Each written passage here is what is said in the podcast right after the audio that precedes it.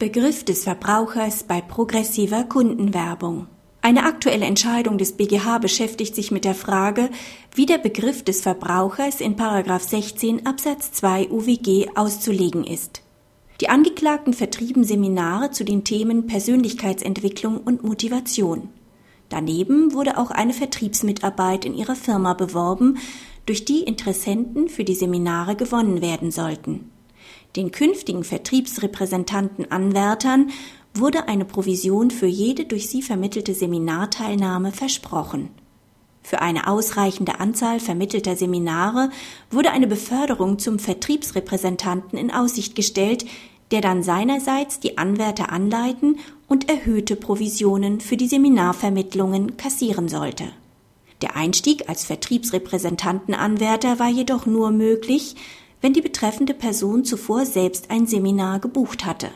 Der Mitarbeitervertrag wurde erst unterzeichnet, nachdem die Seminarveranstaltung bezahlt war. Das Landgericht wertete das Verhalten der Angeklagten als progressive Kundenwerbung im Sinne von 16 Absatz 2 UWG. Der BGH sah dies in der Revision genauso. Insbesondere sei das Landgericht zutreffend davon ausgegangen, dass sich die Angeklagten an Verbraucher im Sinne dieser Vorschrift gewandt hätten.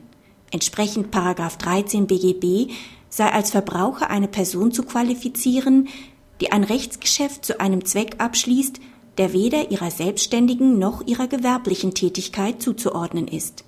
Als maßgeblichen Zeitpunkt sei dabei nicht auf den Vertragsschluss abzustellen, sondern auf den Moment, in welchem der Geworbene erstmals durch das Absatzkonzept des Veranstalters in einer Weise angesprochen wird, dass die Werbung unmittelbar in die Abnahme des Produkts einmünden soll.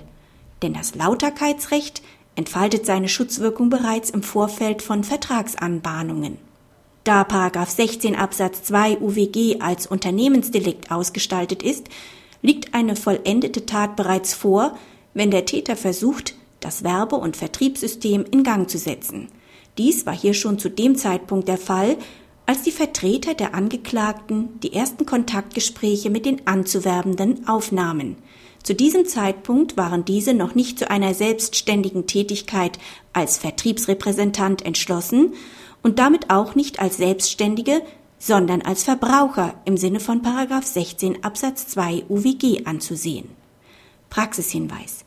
Der BGH vertritt hier einen sehr weiten Verbraucherbegriff. Dieser dürfte umfassender sein als der des Gemeinschaftsrechts in der Richtlinie über unlautere Geschäftspraktiken.